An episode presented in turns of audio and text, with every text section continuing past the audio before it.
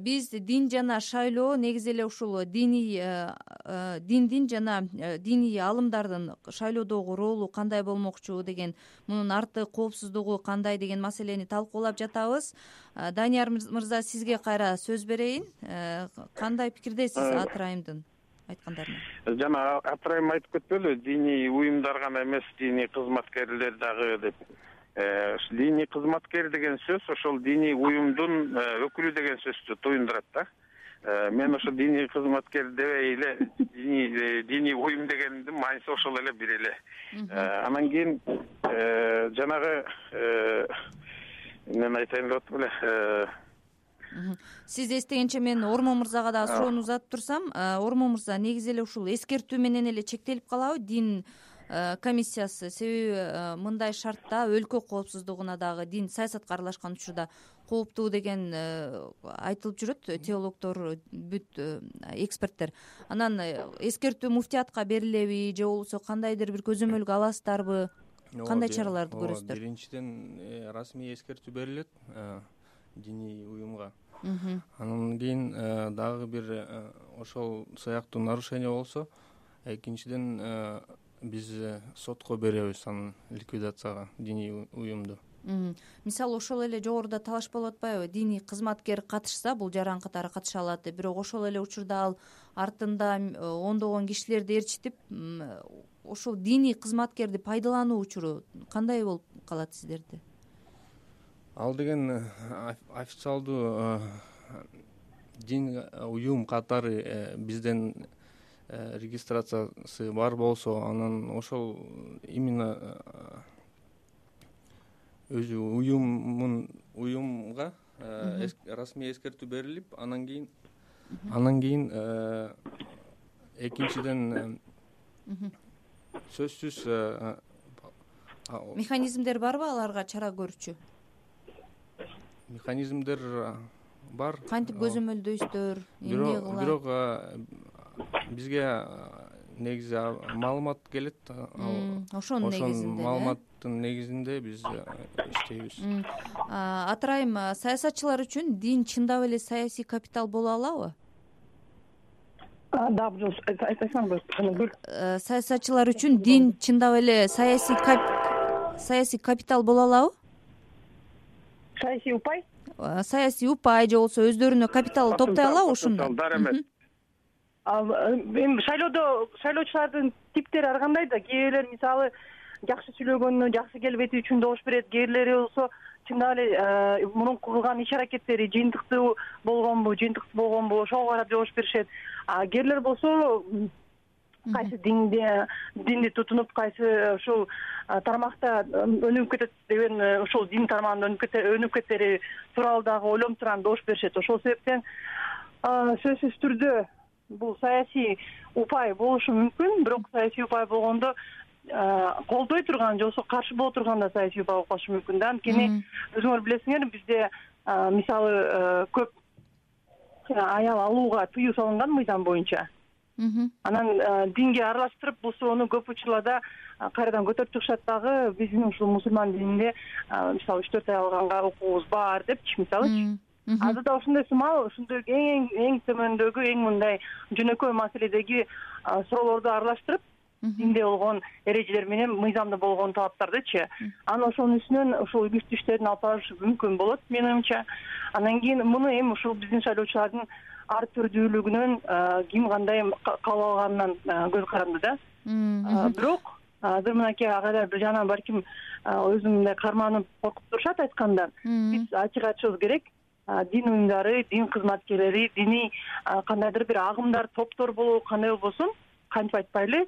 Бирок ушул бийликке саясатка аралаштырып ошол талапкер аралаштырабы же болбосо биздин мамлекеттик кайсы бир органдар аралаштырабы атайын. Мунун баары абдан кооптуу нерсе. Анткени мамлекетти бизде бөлүп жарып мамлекетте ушул азыр э, акырын болсо дагы калыптанган бир стабилдүү ишмердүүлүктү кайрадан артка алып барып коюшу мүмкүн талкуунун маңызы дагы маңызы дагы ушунда негизинен мына диндин саясатта колдонулушу диний жамааттар дагы ажырымды дагы тереңдетиши мүмкүн деп айтышат да. Мисалы пакистан сауд аравия египеттен окуп келгендер ортосунда өз алдынча мектеби боюнча дагы бөлүнүүлөргө алып келиши мүмкүн деп ушул канчалык чындык данияр мырза?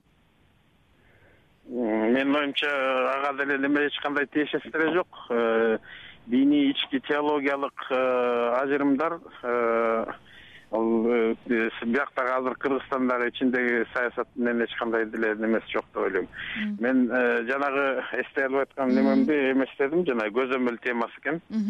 Э, көзөмөл э, темасы мисалы үчүн мына азыр бшк менин түшүнүгүм боюнча да азыр атырайымдын айтып берген сөздөрүнүн негизинде жазага мындайча айтканда кандидат тартылат экен да. Мисалы үчүн Э, тигил же бул молдо э, мечитте кутбада э, сүйлөп атып тигил же бул кандидатка тартып үгүттөп кое турган болсо кыйытып болобу кандай бир деңгээлде анан кийин ошол жерде эл угуп түшүнүп же болбосо ошол жерде бир коопсуздук кызматын отуруп ошол жерде угуп анан кийин ошонун негизинде маалымат алына турган болсо тигил молдо жазага тартылбай Э, кандидат тартыла турган. Бул менин оюмча туура эмес деп ойлойм да. э, балким ал кандидат э, деги эле мындан суранган эместир. Бул молдодон балким аны иликтеп жиликтеш керек деген кеп болуп атат да. Мына ушунун механизмдерин ошо ормон мырзадан сурабадымбы? Кандай болот депчи мисалы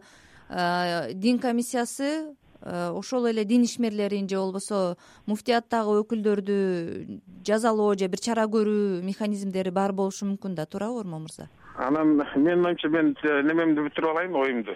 Кыскараак айтып койсоңуз болсо э, бул көзөмөл э, бул эми аябай мындай утопиялык немеге окшошуп атат да а көзөмөл кандай болуш керек сиздин оюңузча? Билбейм мен эч нерсе сунуштай албай атам бирок э, менин оюмча бул неме да жүзөгө ашырылышы толук мүмкүн эмес болгон бир түшүнүк да мисалы үчүн ар бир молдонун аркасынан ар бир тиги уюмдун аркасынан бир адамдын немеси туруш керек да аркасында. Коопсуздук кызматкерлеринен болобу ички иштеринен болобу онунчу бөлүмдөн болобу ар бир немесин аркасынан тиги үгүт жүргүзбөй турган же болбосо жүргүзсө да аркасынан тиги далилдеп микрофон менен диктофон менен бул эми мүмкүн эмес нерсе да. Эми ар бир кишинин артынан койгонго чейин дагы мисалы атырайым. Мурдагы шайлоодо өзүңүз белгилегендей курман айтта мечитте партиялардын атынан Э, мал союлуп бата алган э, ушу элге эт тараткан учурлар болгондо бул дагы үгүткө киреби? Албетте үгүткө кирет. Эгерде ошол маалда шайлоо процесси жүрүп атса экинчиден бул деген э, мыйзамда так жазылган чек коюлган болбойт деген нерселердин арасынан ушул элге бекер кандайдыр бир тамаштарды же болбосо материалдык баалуулуктарды таркатуу болуп калат да бул. Добуштарды сатып алуу же болбосо ушул үгүт иштеринде сатып алуу кандай десем шайлоочулардын пикирин да сатып алуу болуп атпайбы бул мыйзамда так белгиленген э, жоосу анан кийин жоопкерчилиги бар. Ошол эле каттоодон алып коебуз ага айтып атпайбы азыр данияр мырза кошулбайм э, утопия депчи анан биз чындап эле утопия мисалы биздин мыйзамдарда абдан көп нерселер каралбай калган же болбосо так жазылбай калган э көрүп атасыңар кыйгап өтүү жактары көп э? Көп чыр чатакка барып атабыз да анткени талаштар чыгып кетип атат. Анан кийин ушундай мыйзамда жок экен деп отура бергенде биз. Бул жоопкерчилик жоопкерсиздик да жоопкерчиликти моюнга моюнга алып кошулам мен деле жыйынтыктуу иш алып барганга корккондуктан көп адамдар ушинтип айтат да көп ушул мамлекеттик ишканада иштегендер ушинтип айтышат да. И мыйзамда каралбай калыптыр биз эчтеке кыла албайбыз деп. Бирок биздин мамлекет отура бербей иш кылыш керек туура иш кылыш керек. Иш кылганда ушул механизмдерин э, таап чыгарып иштеп чыгышыбыз керек. Мына ушул маселе маселе ошондо болуп атпайбы? Ошол эле дин комиссиясы же болбосо борбордук шайлоо комиссиясы мыйзамда бул белгиленген эмес экен биздин колубуздан келбейт деген дагы туруп калбайбы ошондой маселе деген э, сөз болуп атат да. Бизге бөлүнгөн убакыт э, соңуна келип калды. Тилекке каршы биз э, талкуубузду жыйынтыктасак. Биз дин жана шайлоо ушул диний аалымдардын шайлоодогу орду жана ролу бул артта эмнеге алып келет деген маселени талкуулаганга аракет кылдык. Бизге дин комиссиясынан ормон жаныбеков катышты. Ошондой эле теолог данияр мурадилов бшк мүчөсү атыр абдрахматова болду. Сиздерге чоң рахмат. Талкууну мен канымгүл элкеева алып бардым